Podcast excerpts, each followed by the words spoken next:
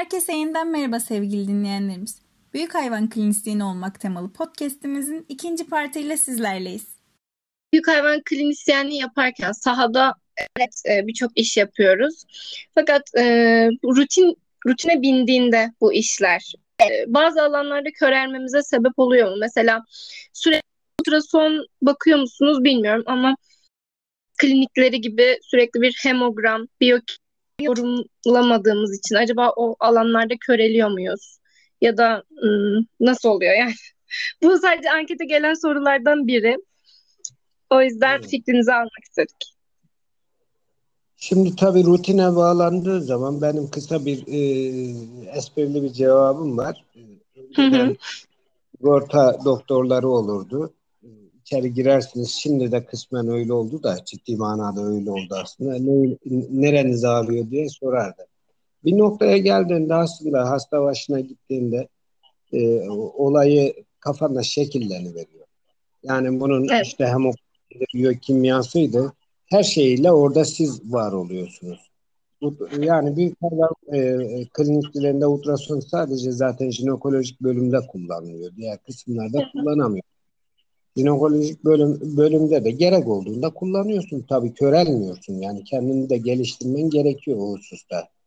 Ee, biz biraz daha pratiğimize güvendiğimiz için makinayı aç, temizle, tekrar yerine koy. Ki, bunlara e, müdahale direkt ultrason olmadan da baktığımız oluyor açıkçası. Ben çok da e, bu hususta şey de, e, değilim yani e, statükocu değilim.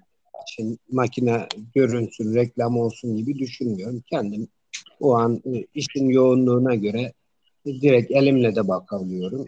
Makine varsa makineyle de bakıyoruz. Körelmemek gerekiyor. O husus, her hususta kendini geliştirmen gerekiyor.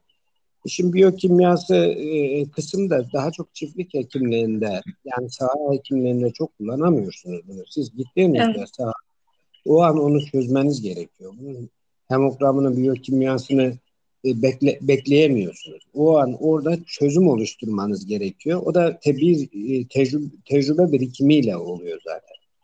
O tecrübe birikimiyle hadiseleri, ilaçlayı, dozlamayı, antibiyotik seçimini, neyin ne zaman yapılacağını, sinerjik ve antibiyotiklerin seçimi. Bunları kendiniz yönetiyorsunuz. Orada tecrübe birikimiyle ilgili tamamıyla. Yani arkadaşların da bu hususta iyi yetişmelerini, tecrübeler abilerine mutlaka sürekli sormalarını, bu sorulardan çıkarımlar yaparak kendi tecrübelerini oluşturmalarını. Yani, e, illa tabii ki bizim bir tecrübe birikimimiz var ama yeni kuşağında yeni bilgileri var. Ben bunu e, bu şekilde Hı. görüyorum. Peki hocam pet hekimliğiyle karşılaştırıldığında dezavantajları ya da avantajları nelerdir? Bu karşılaştırma yapabilir misiniz bize? Yani biz biraz tabii e, büyük başla yetiştik. Yani hayat tarzımızda, aile tarzımızda deyince biraz da yaş gereği pet hayvancılığı son e, şey 10-15 yılın belki 20 yılın e, bir gerçeği. Biz biraz daha eskiden aldığımız için hem tecrübelerimizi hem e, işe öyle başladık. Büyük başta başladık. Ha bu bir dezavantaj mı? Büyük başta başlamamız diye soru soruluyorsa tabii ki bizim mesleğimizde insanın neyle daha çok iştigal ediyorsa, neyle daha çok karşılaşıyorsa oraya doğru tecrübe birikimi oluyor.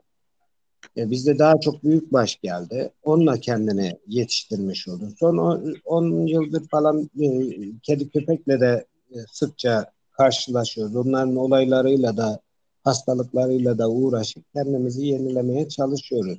Dezavantaj mı dediğiniz nokta her mesleğin rahatlığı, konforu veya işte e, hayat tarzı olarak ne kadar meşgul ettiği ise e, kedi köpek e, hekimliği biraz daha konforludur diye düşünüyorum yani. En azından e, bir yerde bir vasattasınız, bir ortamdasınız, bir yere gitmiyor, hasta size geliyor. Biz sürekli hastaya kendimiz gidiyoruz, köylere gidiyoruz, kilometrelerce yol yaptığımız oluyor. Yani e, bu, bu açıdan kıyasladığında elbette ki pet hekimliği çok daha konforlu diye düşünüyorum. Ama o hususta da te, ciddi tecrübe birikimleri yaparak kendi insanların, gençlerin, meslektaşlarımızın kendini iyi yetiştirmesi gerekiyor. Teşekkür ederiz.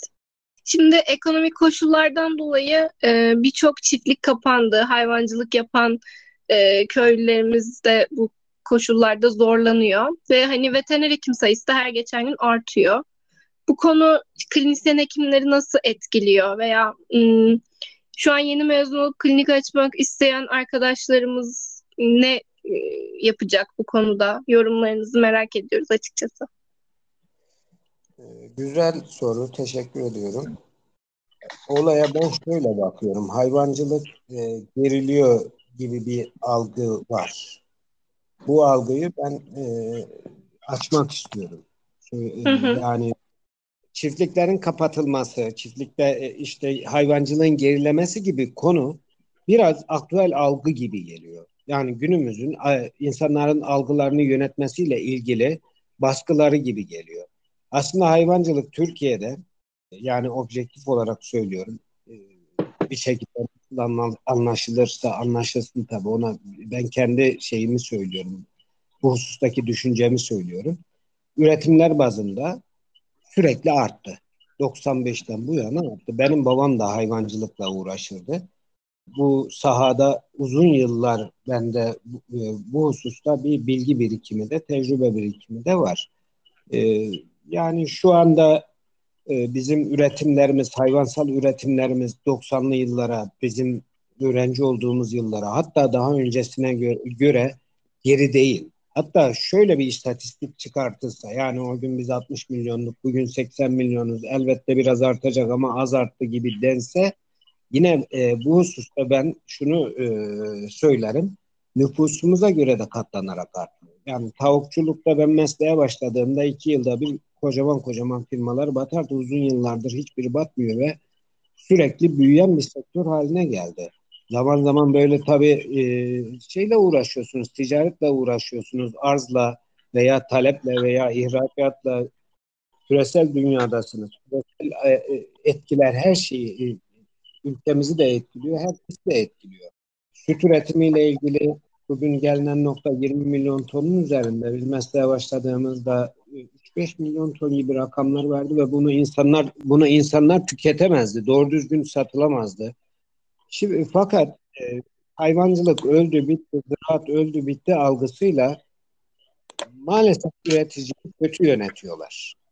Yani bir bakıyorsun e, tamam işte e, süt bugün 13 lira civarında Anadolu'da bir pazar oluşturmuş durumda.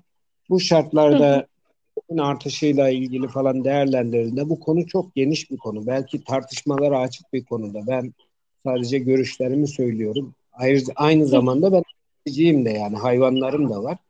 E, e, geçen yılla kıyasladığınızda süt neredeyse bir e, yüzde 40 50 civarında e, değerlendi. 9'du, 9,5'tu. Bugün 13'e dayanan bir süt fiyatı var. Yani geçen yıl yem fiyatları 380 lira, 400 lira, 50 kilogram hesabından söylendiğinde veyahut da kilogram bazında söylendiğinde 6,5-7 lirayken bugün de 8-8,5 lira gibi. Bazı şeyleri insanlara e, daha doğru anlatmak gerekiyor. Kötü anlattığınız zaman negatif psikoloji pompaladığınız zaman e, bu, gerçekten bu sektöre e, negatif bir hava veriyor. Yani ekonomi nihayetinde şeydir psikolojiyle çok etkisi olan bir şeydir. Yani öldüm bittim şeyiyle gidildiği zaman farklı bir yere gidiyorsunuz. Tamam iyi oldu dediğin zaman heyecanınız artıyor. Belli yere gidiyorsunuz. Belli nokta yeni ufuklar açabiliyor. Ve şunu da söyleyeyim. Biz mesela sahada e, çiftlik hekimi olarak hekim ara, arıyoruz. Zaman zaman çok arıyoruz. Danışman olduğum firmalar var. 2, 3, 4 kadrolaşan firmalar bunlar. Çoğu açık çalışıyor şu an. Eline geçmiyor, veteriner geçmiyor ve şöyle bir sıkıntı da var. Veteriner geliyor çalışmıyor da yani. yani gençlerimizde böyle bir sorun da var. Çiftliğe gidip orada hizmet e, konulan yerde verilen hizmeti e, istikrarlı bir şekilde yapmıyor. Bir sene sonra bir, bir yerlere kaçmış oluyor. Adam yok ortada. Ben şunu anlamıyorum. Önceden bana sürekli stajyer gelirdi. Üçlü, beşli, yedili, sekizli olduğu olurdu. Yani bazılarına gelmeyin derdim. Son 4-5 yıldır stajyer de geldi pet hekimleri hep üçlü beşli çalışıyor. Dikkat ederseniz her e, şeyde e, klinikte üç kişi dört kişi olduğu oluyor. Ben e, bizim mesleğimizin bu hususta şanslı olduğunu düşünüyorum. Yeni gelecek nesil karamsar olmaması gerektiğini düşünüyorum. Klinik açmak e, hususunda da karamsar olmasınlar. Kendilerini iyi yetiştirsinler. Kadrolu çalışsınlar. Üst, üst ihtisasları öneriyorum özellikle. Yani diplomayı alıp, çantayı alıp, stetoskopu kapıp doğru hastaya koşmasınlar. Bu çok yanlış bir şey. Evet. Kendileri olmadan ortaya çıkmasınlar. Bu ölü doğumlar oluşturuyor. Yani e, çok, çok güzel kendini geliştiren gençler görüyorum ben. Hem doktorasını yapıyor, master'ını yapıyor. Sahada hayvan hastaneler, hastanelerinde belki birkaç yıl çalışa, çalıştıktan sonra çok ciddi bilgi birikimlerine ulaştıktan sonra klinik açıyorlar. Bunlar başarılı da olur, oluyorlar da yani. Kişi e, yani insanın veteriner diploması alması başka bir şey. Hayatta başarılı olması başka bir şey Beyza Hanım. Hani bu bu e, insanın orada e, sorumluluk almasıyla, problemleri çözmesiyle, istikrarıyla, sabahleyin gidip işine başlaması, akşama kadar durması, gece telefonlara cevap gerektiğinde vermesi doğru duruş başarıyı getirecektir. İnanın çiftlikler e, hekim konusunda sıkıntılı olduğu çoğu zaman oluyor. Okulunu bitirir bitirmez, hemen bitirir bitirmez kaç tane ben e, veteriner hekimi çiftliklere yerleştirmişimdir sayısı belli. Şu an çiftliklerde bu verdiğim arkadaşlardan devam eden var mı diye sorarsanız bir parmağı, bir elin parmaklarını geçmez. Bir yerlere gidiyorlar yani. Evet burada e, benim kısaca söylemek istediklerim bunlar Beyza Hanım. Teşekkür ederiz değerli fikirlerinizi bizimle paylaştığınız için. Cahit Bey'e çok teşekkür ederiz. Yeni bölümlerde görüşmek dileğiyle. Hoşçakalın.